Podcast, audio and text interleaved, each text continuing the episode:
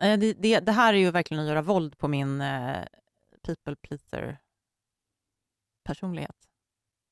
Är inte det vi pratar om?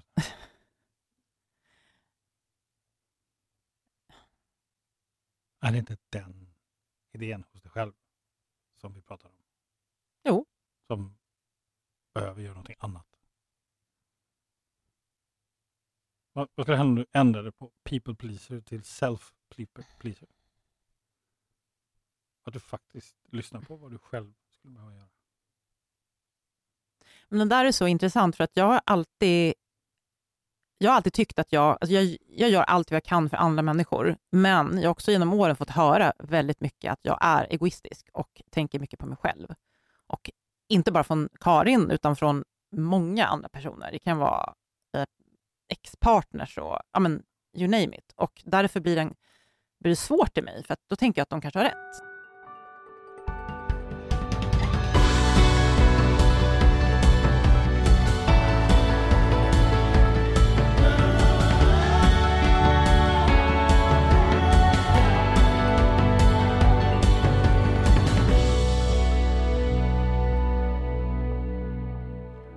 Jag har en fråga till dig innan vi Ja. drar igång. Ja. Eh, varför eh, vill man springa maraton? Varför vill du springa maraton? Nej, varför vill man överhuvudtaget? man? Ja, Ska hisspitcha maraton? ja, faktiskt. Eh,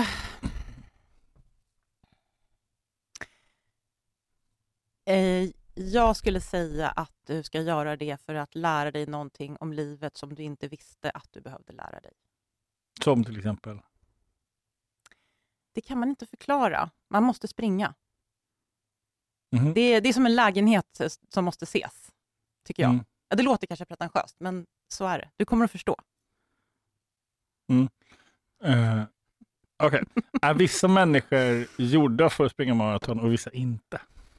Det, där måste vi nog nyansera lite. Jag skulle säga att eh, det finns vissa människor som är mer biomekaniskt eh, optimerade för att springa maraton på ett bra sätt. Du menar bra liksom tid. fysiskt, mentalt, kroppsligt?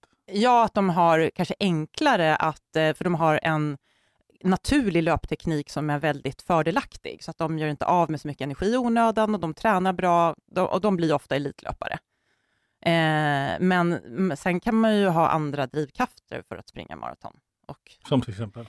Ja, men just det här som jag sa, att man vill lära sig någonting om sig själv och om livet. Och Man vill kan- hitta nya lägenheter i sitt hus? man vill hitta en lägenhet i sitt hus, kanske styla om dem lite. Nej, men då tycker jag att man kan springa ett maraton eh, av den anledningen och Mm. inte för att hela tiden så här, bli bättre och snabbare. Men, men, men en fråga då. Eh, och, så, och så har man då sprungit det där maratonet. Mm. Ehm, vill man inte springa ett längre maraton? Då? Vill man? Mm. Det där beror ju väldigt mycket på. Alltså, en del säger ju, nej men jag har gjort det här, då är det bra, då behöver jag inte göra det något mer. Okej, då är man klar Eh, med ja, jag har varit i New York, så att, liksom. ja, då vet jag hur det ser ut. Ehm, eller så känner man sig, shit, jag vill upptäcka mer, jag vill upptäcka fler gator, jag kanske vill tillbaka till den där baren som var så härlig. Mm. Och kanske hitta fler. Det här är jätteroligt att vi pratar Ja, maraton och du refererar till barer. Jag kommer till en bar i New York. Nej, men det är Ja. ju för att jag är livsnjutare och jag vill ju gärna hitta kopplingar till livsnjuteri eh, i, det, i träningen, för det är ju, det är ju min drivkraft. Så, nej, men, så att, eh, då kanske du kommer på att ja, men jag skulle vilja testa att springa en, en mara på Jamaica kanske. Mhm. Och få en eh, Så man har en ursäkt för att få resa. Liksom. Ja, resa, få med familjen. Du kanske vill springa i New York bara för att det är så coolt och det är fantastisk stämning. Mm. Jag, har en, Ja. jag har en fördom, eller Mm. fördom, jag har hört en fördom. Jag, jag, så, jag är bara nyfiken. Är, är det så att maratonlöpare inte klarar av andra människor? Är det därför de springer? För att man inte klarar av andra människor. Ja, man, man orkar inte hänga med Asociala, andra. liksom. Ja, precis. Det finns någon form av ett asocialt perspektiv på maratonlöpare. Du tänker att det har att göra med att det krävs väldigt mycket träning och, och att då har man en ursäkt att få Ja. vara själv. Ja. Jag tänker att det kan stämma på vissa, men samtidigt så är ju maraton också maratonträning och maratonlöpning är ju otroligt socialt. Jag avskyr ju att springa själv. Mhm. Jag älskar ju människor och jag eh, får knappt till mina eh, långpass utan eh, kompisar. Så Mm. det är ju väldigt individuellt. En del kanske använder det som ja, en anledning för att ja, jag måste iväg och träna, så slipper jag ta hand om mina barn i två timmar eller Mm. sådär. Men det där är väldigt olika. Så när började du själv springa? Eh, ja, springa, mm, träning för maraton eh, gjorde jag 2009, hösten Mhm. eller vintern.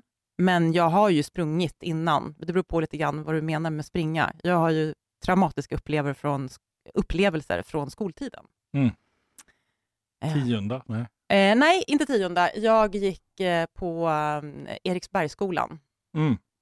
eh, och då hade vi barkbanan som man skulle springa. Alla har ju ett sånt där spår som man minns med fasa. Mm. Eller en del kanske inte tyckte att det var jobbigt. Men jag hade ju inte någon naturlig löpartalang. Så, så det var fruktansvärt. Mm. Mm. Då sprang jag ju också på ett sätt, men det var ju inte med glädje. Mm. Okej, så, så, så när, när får du för dig att springa maraton? Eh, det egentligen så kommer det till mig på ett redaktionsmöte när jag jobbade på Svenska Dagbladet eh, 2009, då, i ja, november, december, att de behöver någon som eh, kan springa eller träna inför Stockholm Marathon året efter och dessutom då blogga om det. För att det här var ju på tiden när bloggar var väldigt stora. Man ville ha en blogg, Mm. helst flera på en Mm. tidning. Då. Och på något sätt så hör jag mig själv säga ja. Mm. Utan att jag riktigt förstår hur det gick till. Okej. Men det jag tror, så här i efterhand har jag analyserat lite och tror att det beror på att jag ville, någonstans så var det en del av mig som ville göra upp med det gamla. Att jag inte riktigt var färdig med löpningen. Mm. Jag tror att det var det. Men det Mm. tänkte jag ju inte då. Då ville jag ju bara göra det, för det lät, ja men det här vill jag göra. Mm. Du göra upp med det gamla. Mm. Spännande. Ja. Eh, We're going there, we're going there. Ja. Ja. Nu, nu undrar jag bara när du kommer att säga till mig så här, "Ja, men du ser ut som en människa som kämpar mycket, för det säger alla som träffar mig för första gången. Så vi får se när det kommer. Jag brukar aldrig säga sådana saker. Nej, vad skönt. Ja, så Ja. du kan släppa den. Ja. Tack. Garden uppe redan. Vet Ja, ja, eh, eh, jag har noterat det redan in, innan vi började. Ja. Så jag, så. Eh, jag är nyfiken på en annan grej. Så här, om det skulle vara så att du har, ehm, ja, men vilka tre saker eller fenomen eller beslut eller aktiviteter får någon som aldrig har sprungit?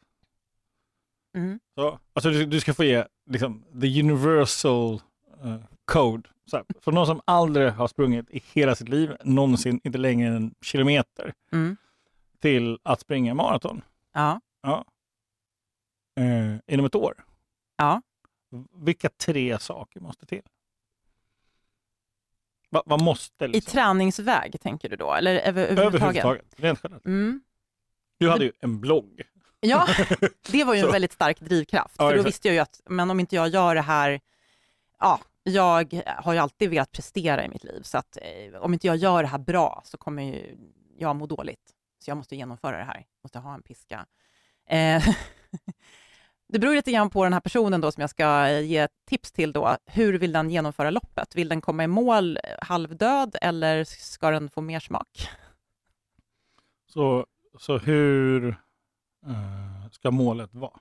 Alltså upplevas? Frågar du mig så tycker jag ju att eh, jag vill ju att människor ska tycka att det är roligt och att man vill fortsätta med det här. Så att jag tycker ju att man ska komma i mål med ett leende och känna att det här var häftigt. Kanske lite tårar i ögonen.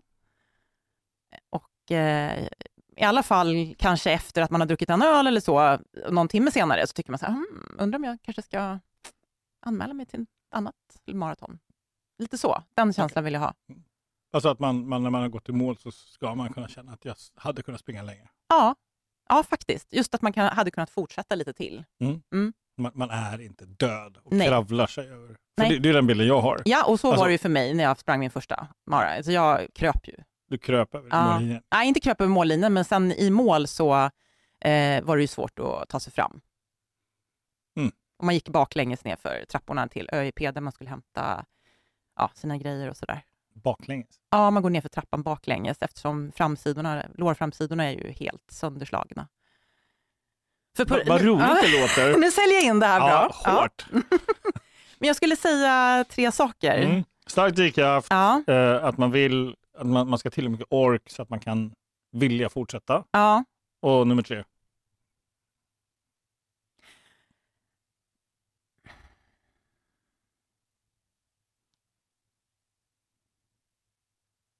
Men är det, här är det här incitament man ska ha? Jag, bara så att jag förstår eh, vad du ute efter. Jag, jag är ute efter tre stycken... Eh, det, här, det här måste vara på plats, annars Ja, kommer ja. inte lyckas.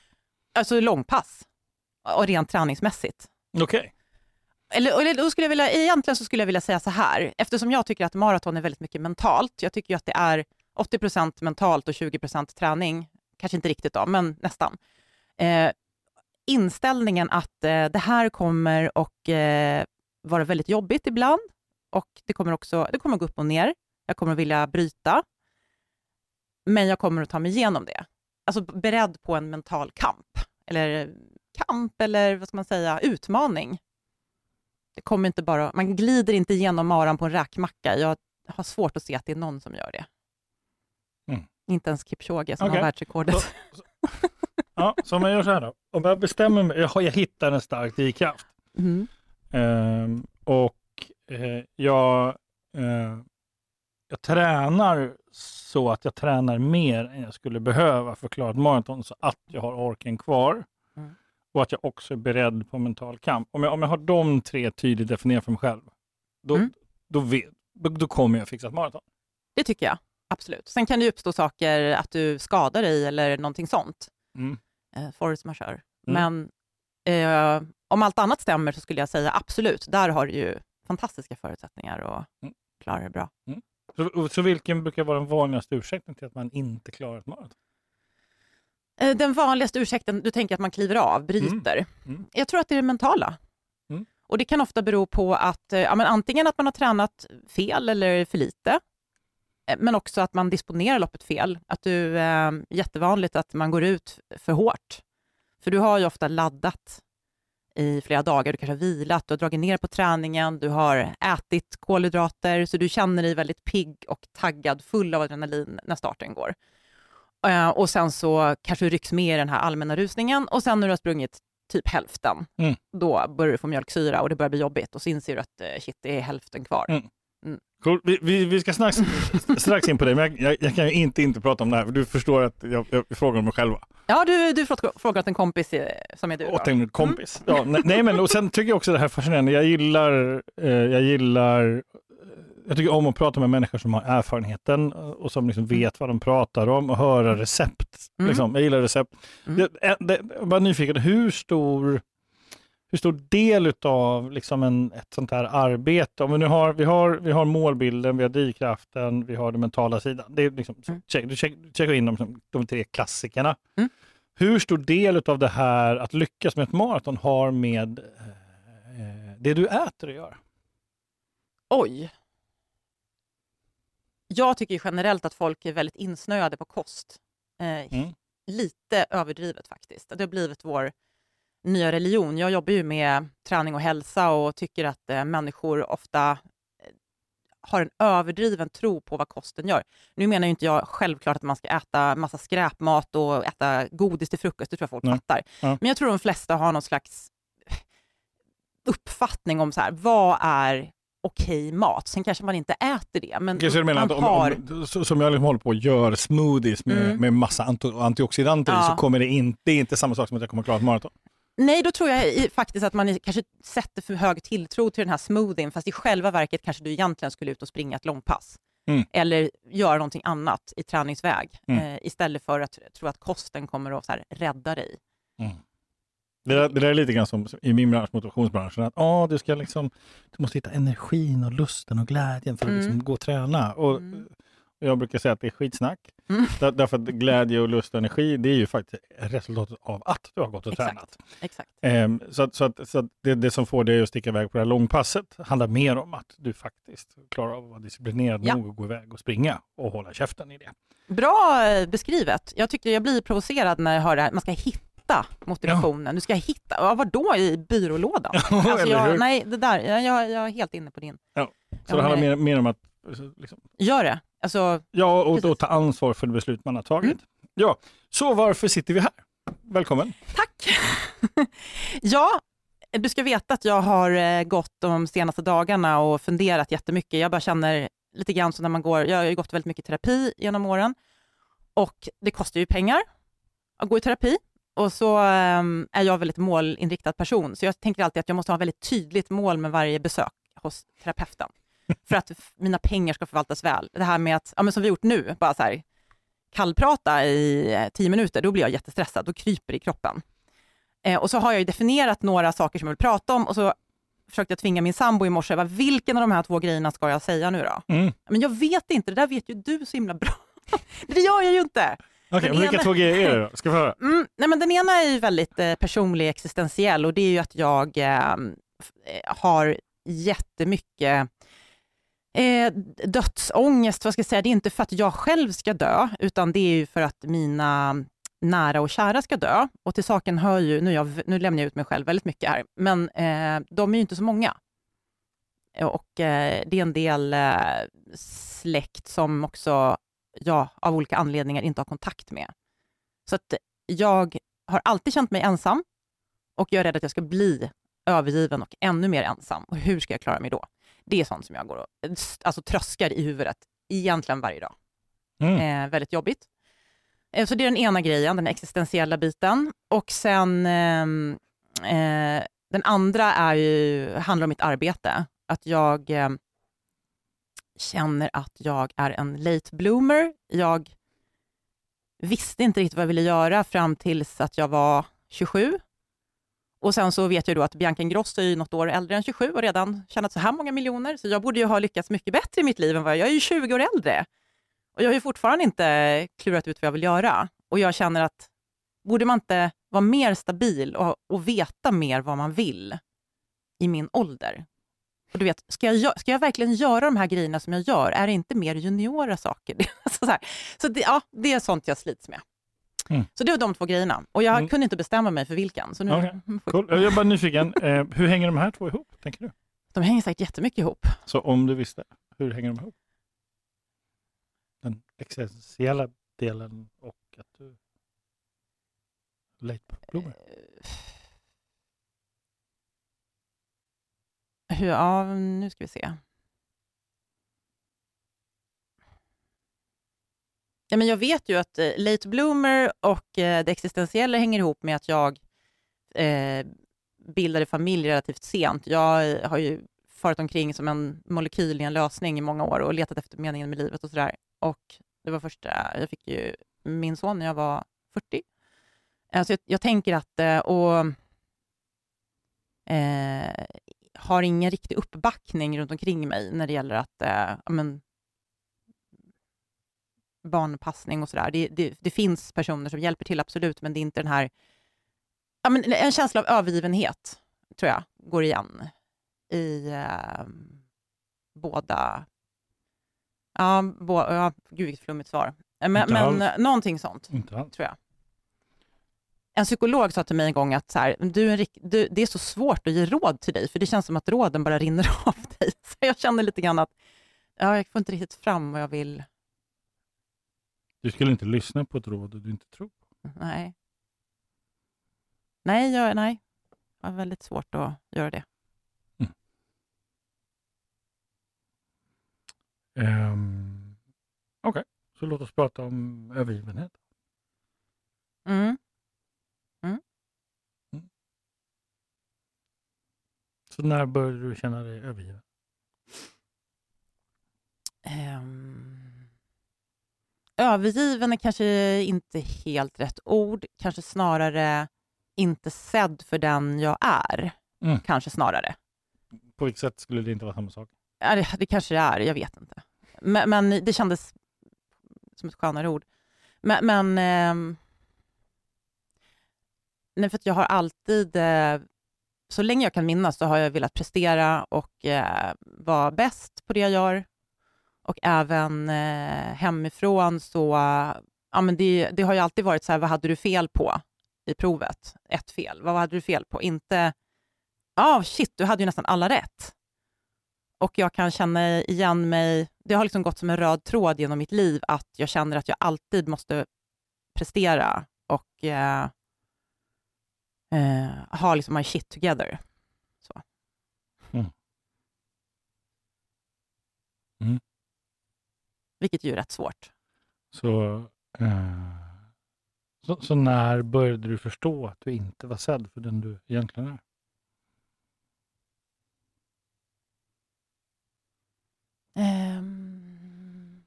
Det är nog först eh, i ganska mycket äldre ålder, när jag började gå i terapi, som jag kunde se på saker som hände när jag var yngre med liksom, vuxenögon. För när, man är, när jag var yngre så förstod jag ju inte vad det var. Har du sett ett exempel på vad du menar? Du behöver inte outa någon, men jag är bara nyfiken på. Nej, men, eh, ja, men det kunde vara... Ja, men, eh, TVn står på och så säger eh, då en familjemedlem så här, åh vilken smal person i TVn. Mm.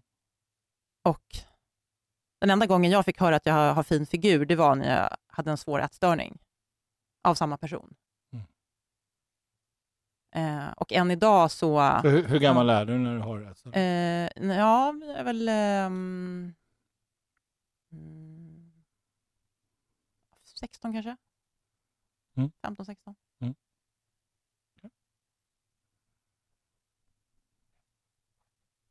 Är det där det börjar? Är det där du börjar bli ensam? Ja. Ja, det tycker jag. Mm. Vad hände innan det? Alltså, Hur har du det när du är liksom 0 till 15? Ja. Om, du- om, om, du skulle beskriva idag, Mm. om du skulle välja att försöka se det som var Mm. för det det var, Mm. hur skulle du beskriva det då? Ja, när jag tittar tillbaka på den tiden idag så känner jag bara, åh herregud, jag skulle egentligen vilja bara sudda bort och göra om. Mm. Jag kan också känna en sorg i att jag inte mer tog tillvara på tiden, både den tiden och även den tiden efter. Att jag inte gjorde vettigare saker än jag gjorde. Mhm.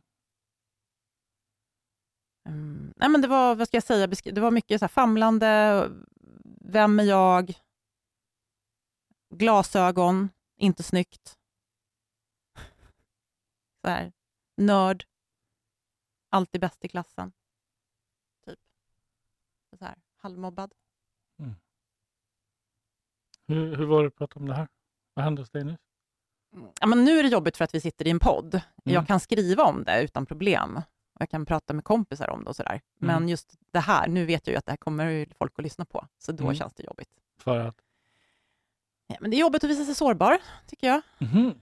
Så det här är att vara sårbar? Ja, det tycker jag.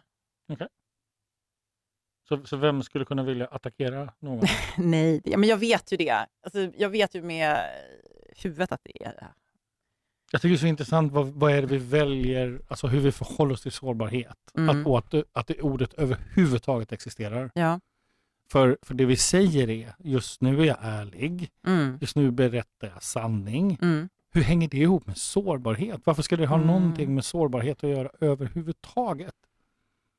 Du har helt rätt. Jag, Är du med? Ja, jag håller med. Ja, och det säger ju Mm. någonting om, Mm. om liksom vad är det för mental värld jag befinner mig i. Mm. Om, Mm. om jag behöver omfrasera Mm. min, min ärlighet till sårbarhet. Mm. Nej, men du har helt rätt. Det, det håller jag med om. Men det tror jag beror på att vi lever i ett eh, prestationssamhälle. Där eh, jag upplever i alla fall att det är väldigt mycket så här, traditionellt maskulin energi i samhället. I alla Mm. fall i vårt västsamhälle. Jo. Och att det är vassa armbågar och eh, tävlingsinstinkt och sånt som premieras och inte så mycket Mm. eh, jag är, mår inte bra just nu eller jag, ja, precis. jag behöver hjälp. Sådär. Och om du låtsas att jag har en i min närhet som är 16 år gammal med en nätstörning, som inte mår bra, som presterar och som så. Vad kan jag göra för att se henne för den hon är? Ja, jag skulle säga att försöka eh, prata om saker som inte har med utseende att göra. Mm. Det finns ju så mycket annat att prata om. Som till exempel? Ja, men gud. ehm. Ja, men ta friluftsliv. Jag har alltid haft en passion för det. Nu har jag halkat bort lite från det, men det har ju varit som en röd tråd genom mitt liv när jag var yngre. Mycket så här, vara ute i naturen, klättra, paddla, eh, planera nästa fjälltur. Ja. Vilken kamera ska jag köpa nu? Vilken diafilm är bäst? Ja, dia då, du hör ju hur gammal jag är. Eh, Men diafilm ska jag ha nu så att jag, man får fram de här färgerna. Alltså det, sådana saker tycker jag är jättekul Mm. att prata om. Och det, tyck, det gillade jag ju då också. Men det var väldigt mycket, alltså när jag gick i eh, gymnasiet så gick jag i en väldigt prestationsinriktad klass och alla bantade ju och alla hoppade över lunchen och sen fick man höra från andra håll också att det var smal man skulle vara, så det var, det var ja, the pressure was on. Så. Mm. Svårt att värja sig. När, när bryter du från din familj? Jag har ju kontakt med min familj. Mm. Eller vad menar du med bryter? Jag tyckte det lät som det. Nej, de det, det är andra... Ja, jo då, då, alltså, jag har inte brutit så, utan det, Okej. det, finns andra, det finns andra släktingar som har brutit med mig. Men, Mm. men jag har inte brutit med någon. Okej. Eh, Mer kanske att jag har, jag skulle kunna säga, jag har inte brutit, men däremot har jag kanske har jag satt ner foten och eh, försökt mer så här, frigöra mig och för, förklara hur jag vill ha saker. Mm. Så, det Ja, Satt gränser. Exakt. Vad bra. Tack. Mm. Ja. M- Mer sånt, Ja, tänker jag. ja. Eh, Den delen av så att säga, det maskulina tänker jag är ganska bra. Ja. Så. Ja. Eh, Om, om det nu har med maskulinitet att göra. Ja, ja. eh, jag, jag tänker på den här den ex existentiella utmaningen du har. Mm. Um, eftersom du sa att du dagligen går och tänker på det, så är det, Mm. nog, det är nog det jag skulle att vi pratade om. Jag är nyfiken mer. Hur kommer det till uttryck för dig? jag sitter ju ganska mycket själv och jobbar om dagarna och eh, då kan jag titta ut genom fönstret och så kan jag tänka, hmm, när jag är eh, så här 60 år, tänk om min son dör i cancer, min sambo kanske har dött.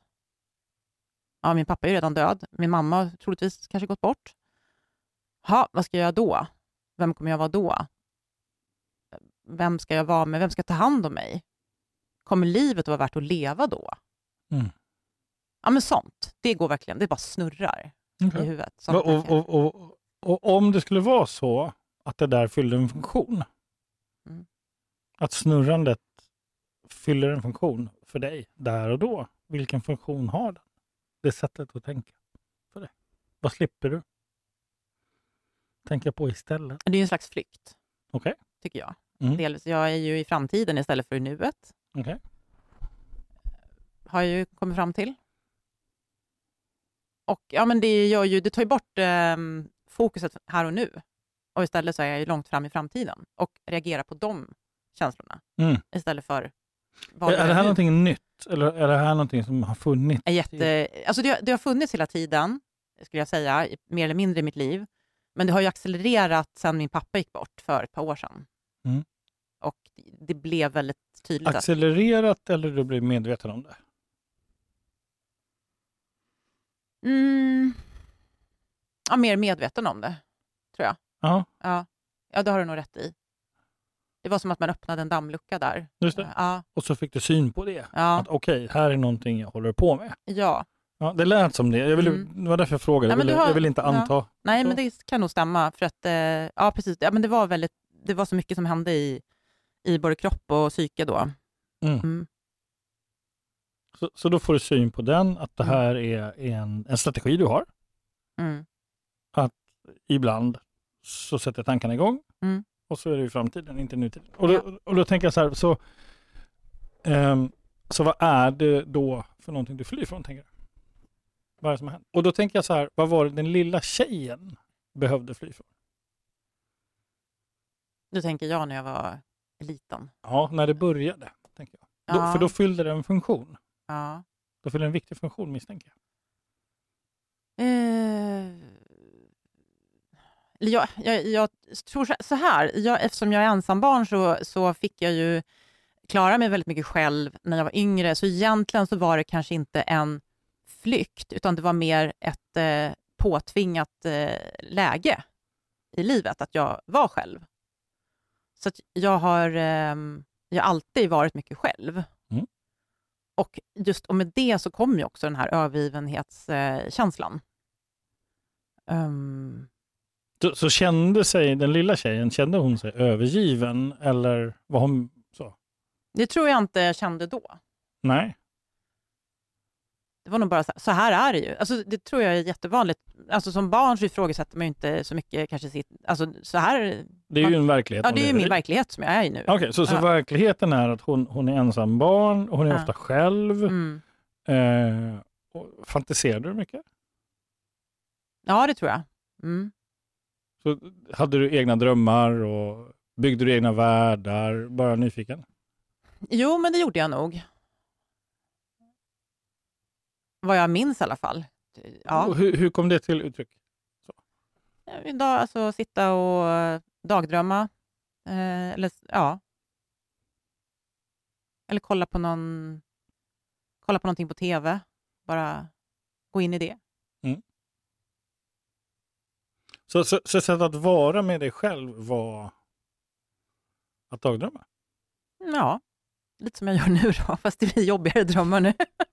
nu, ju, nu, nu tar de ju på en. Så var det inte då, tror jag. Nej, precis. Och, jag- alltså jag tänker, så här, jag undrar, tänk, tänk om det bara är så att det är så här du alltid har gjort? Ja, du tänker som en strategi? Ja. Kanske. För, för att hantera livet, eh, vardagen, dagarna. Mm. Eh, och det är helt naturligt för dig att göra det. Det var Ja. det att idag är det ju kanske inte det, för idag är du ju inte ensam längre. Nej. Men, men jag har ju också eh, personer i min omgivning som förstärker det här hela tiden genom att eh, hela tiden uttrycka sin oro och projicera. Ah, Okej. Så det gör ju att jag, jag, får, ju, jag får ju lättare att fast... Jag tar ju in de känslorna och som får in dem i mig själv, i mitt Okej. system. Så du fångar upp andras oro? Ja, det gör jag ju. Okej. Absolut. Så den där lilla tjejen då, när hon är Mm. liten, på vilket sätt fångar hon upp andras oro? Ja, men jättemycket. Jag medlar ju mycket sånt, alltså konflikter, eller försökte i alla fall utifrån det lilla jag kunde som liten, Just. vilket ju inte är så mycket. Men, Då, då har vi två, två grundsyften egentligen med så att dagdrömmeriet. Därför jag tänker, Mm. jag tänker, oavsett om man fyller dagdrömmandet med dåliga eller bra saker så är det fortfarande det är samma mekanism. mm, Det, det, det, det här att, att ta sig bort ifrån det som är just nu. ja. Så, så, Mm. så, så tänker jag du är skicklig på det. ja, jo, Ja. det är ju Ehm, och, och då finns det liksom två grundfunktioner. Den ena är att det är jobbigt där jag är. Alltså Mm. vill jag vara någon annanstans. mm, Och, och, och så drömmer man om det. Mm. Men, men det kanske också är ett sätt att hantera det som är. Genom att faktiskt drömma om det som är jobbigt. Och sådär. Mm. Och jag, ehm, jag är inte så säker på att det är dåligt det här. Menar du det? Ja. Om jag säger så här, du har inte övertygat mig om att det är dåligt. Så, Jag, jag känner ju att eh, min totala sinnesstämning, eh, den har ju gått från, eh, den har inte, den har inte fått flera plus. Mm. Liksom. Den har fått färre plus tycker jag. så vad jag menar är, det är inte dagdrömmeriet jag, jag, jag, jag tror är så dåligt, för det tror jag är en del av din kreativitet. Ja, men så, ja, så är det kanske. Ja. Ja. Och, och, och, och jag tror du har tillgång till ganska mycket kreativitet Ja. och att den är bra för dig i det du gör och, och hur du liksom lever ditt liv. Men, men om man fyller kreativiteten med negativa saker, då blir det ju jobbigt till Mm. slut. Ja. Mm. Eh, tänk om det är så här då, att, att det inte är din kreativitet det handlar om, utan det här handlar om att du tar på dig andras, Mm. andras oro. Det är det vi pratar om. Och det, det, gör du det, tar du på dig andras oro, då går du och bär på andras saker. Nej, men det är ju 100 procent sant. Alltså, skulle jag ta bort eh, den här delen i mitt liv som hela tiden har projicerat oro, oro på mig och Mm. eh, skräckscenarier, då hade det ju troligtvis jag varit en helt annan person. Jag menar det. Ja. ja så det är inte din förmåga att dagdrömma som är Nej. problemet? Nej, men det är också så här att jag kan inte riktigt värja mig, för jag känner ju att jag måste finnas där eh, för den här personen Mhm. som projicerar. Så jag kan inte, kan inte ta bort den. Så du är inte fri? Nej. Mm. Så du är fortfarande den lilla tjejen? Ja, på många sätt är det. Mm. Så om vi då skulle använda oss lite så här, om, okej, så vad behöver du göra för att växa upp? Ja, alltså skulle vi... För det här sa en psykolog till mig för många år sedan nu, men det var ju så här, ja men eh, klipp banden eller liksom, eh, eh, stoppa kontakten för en stund med med den här personen och eh, ja, se vad som händer. Eh, men jag känner, då kunde jag göra det, men jag eh, tycker inte att det går riktigt idag, för jag är rädd för att ehm, jag kommer få ångra mig sen. Mhm. Du, du hör att det bara hittar på va? Nej, det tycker inte jag. Ja, men alltså, det, nej, men du vet jag- ju inte. Eftersom, nej. Alltså, du, ehm, nej, det är du, klart jag inte... Nej, jag, det är ju bara hypoteser. Jag gissar ju såklart. Ja, exakt. Ja, Så, ja, så är ja. det ju inte sant. Nej. Bara så vi, Nej, jag- ja, nej, absolut. Jag inbillar mig säkert. Kan, kan vi kalla den här personen för något namn, bara så att vi hittar på något namn så vi kan ha något att förhålla oss till? Ja, jag tycker, jag tycker det här är lite jobbigt, för jag känner att jag verkligen hänger... Alltså, alla fattar ju. Eh, men ja, ehm, kan inte du hitta på något? Jag, eh, Karin. ja, vi kör Karin. Mm. Var, var Karin bra? Ja, Karin. Blir Ja. bra. Karin blir bra. Mm. Eh, så vad behöver du, så om i, i den bästa av världar, vad skulle du behöva säga till Karin? Alltså bara för att krångla till det lite nu, så Mm. har jag ju försökt säga saker till Karin. Mm, det förstår vi. Och eh, Karin har inte riktigt förmågan att eh, ta in det jag säger, utan Mm. det kommer en massa annat istället som jag inte vill höra. Mm. Så jag har mer eller mindre gett upp att försöka säga saker. Så vad skulle du behöva göra då? Ja, men det är väl att eh, skapa mer avstånd. Okej. Men jag vet inte heller om det är rätt. Det, Okej, det är så- du- ja, Vi, vi Ja. leker med tanken att, att eh, imorgon, eller på lördag säger vi, så Mm. åker du hem till Karin. ja, och, och går in i vardagsrummet. Eh, nu, du ska bara få en helt, en annan hypotes då. Mm. Och sen så, och så, och så lägger du upp, vi, vi låtsas, ehm, ehm, om det skulle vara så att du skulle lägga upp ett antal stenar mellan dig och Kenny, hur många stenar skulle du lägga då? Oj. Och, och där, stenen, där de här olika stenarna betyder lite olika saker bara. Oj. Säg ett nummer. Bara Ja, eh, åtta. åtta stycken. Så du, du lägger upp åtta stycken stenar där varje sten representerar åtta olika argument till ditt beslut. Mm. Ehm, och, och så berättar du för Karin att det är över nu. Det vi har haft sedan tidigare, det är dött. Och jag har försökt att hålla liv i det ända sedan jag var liten. Men det är dött Mm. sedan länge. Mm. Nu vill jag att vi hittar åtta argument till varför vi ska ha liv i den här relationen framöver. Mm. Och så berättar du det för henne. Mm. Kan du hitta åtta argument till varför du skulle vilja ha fortsatt kontakt med den här människan?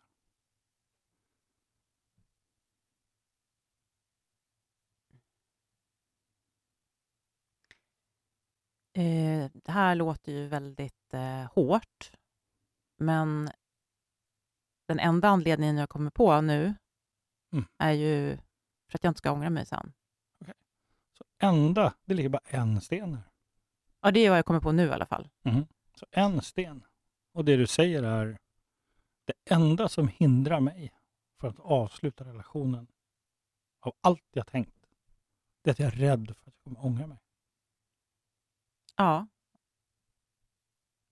Så vad ska du med den här relationen till? jo, jag, men jag förstår vad du menar, men det är så... Ja, jag tycker det är otroligt komplext, för det är inte bara... Jag känner mig också lite egoistisk, för det är inte bara jag som skulle drabbas då, utan det är ju andra människor också som drabbas av... Ja, men de, de är inte med här just nu. Nej, nej. Och de du refererar till är väl också människor som kan Mm. ta eget ansvar för sig själva? Absolut. Ja, och det där vet du, så det var Ja. bullshit. Så, så, så vad skulle hända om du faktiskt klippte bandet en gång för alla? För människan finns ju kvar. Du har ju möjlighet att ångra dig. Du har ju möjlighet att gå tillbaka och säga jag hade fel. Hit men inte längre.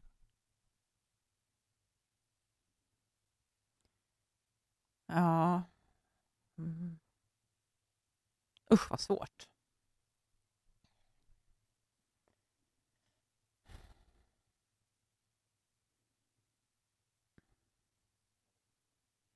Det, det, det här är ju verkligen att göra våld på min eh, people pleaser personlighet. Är det inte det vi pratar om?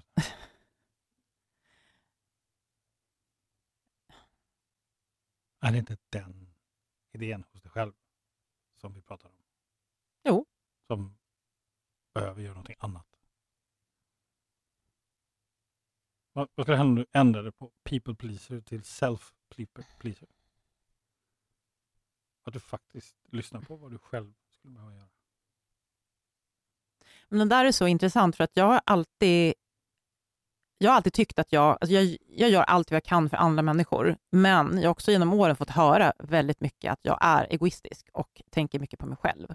Och inte bara från Karin, utan från många andra personer. Det kan vara eh, ex-partners och ja, men, you name it. Och därför blir, den, blir det svårt i mig, för då tänker jag att de kanske har rätt. Ja, du hjälper ju alla andra för din egen skull, inte för deras skull. Ja, så du tänker att det ändå är en egoist, egoistisk handling att vara en people Kallas pleaser. även medberoende. Ja.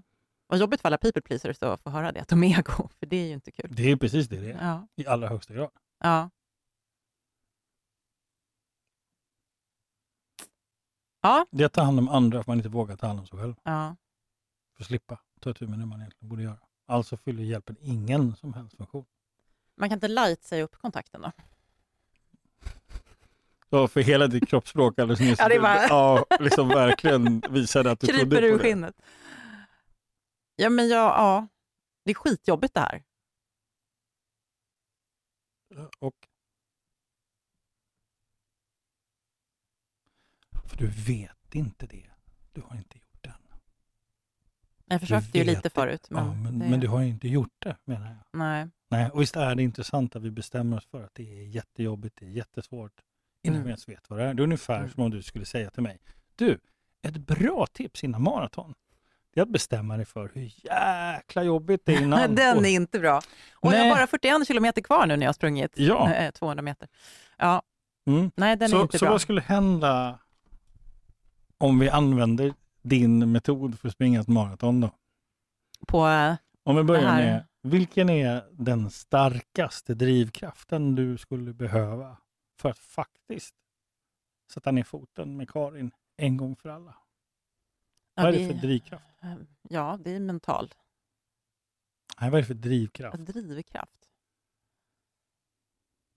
Så, så varför skulle det vara viktigt för dig att faktiskt avsluta relationen med Karin? Ja, för att må bättre själv. Okej, Ja. Eller i alla fall utforska hur kan eh, livet eh, bli om jag inte hela tiden går runt med de här eh, tunga tankarna. För jag känner att det är svårt att värja sig för dem så länge det är någon som hela tiden påminner mig om Mm. det. att få bli fri, Mm. det. Ja. Okej. Att, att, att börja må bättre själv. Ja. Okej. Eh, och sen så, den, den, det andra tipset du hade för att springa ett maraton, det var ju då att kunna orka springa. Mm. Alltså träna så pass mycket så att man orkar efteråt. Då tänker jag så här, så vad, när du är klar och avslutat liksom relationen med Karin, vad Mm. är det du vill ska hända då? Vad, vad kommer du få utrymme att göra då? Orka göra mer av som du inte gör då?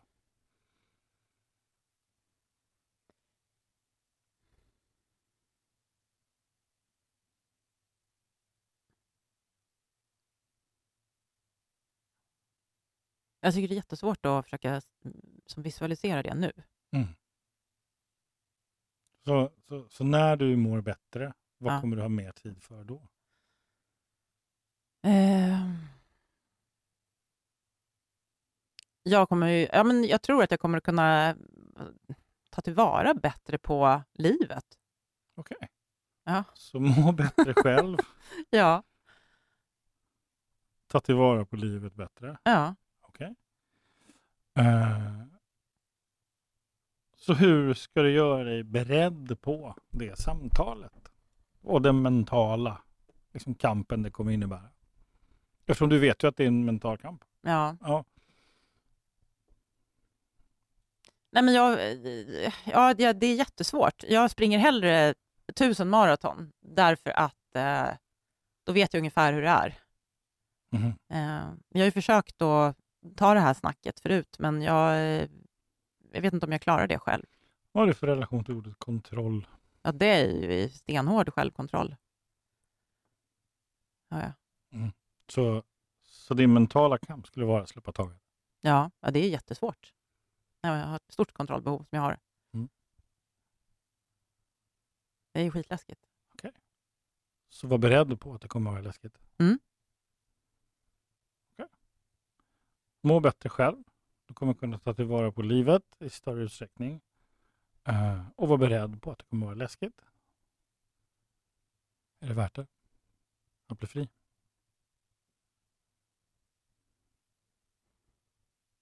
Men det är ju det här som jag tycker är så jobbigt, för jag vet ju inte hur... Eftersom min, jag har ju den här, det här kontrollbehovet. Du vet inte hur det var att springa ett maraton heller? Nej, jag visste ju inte det när jag började heller. Nej, det var ju läskigt också. Men du vet inte? Nej.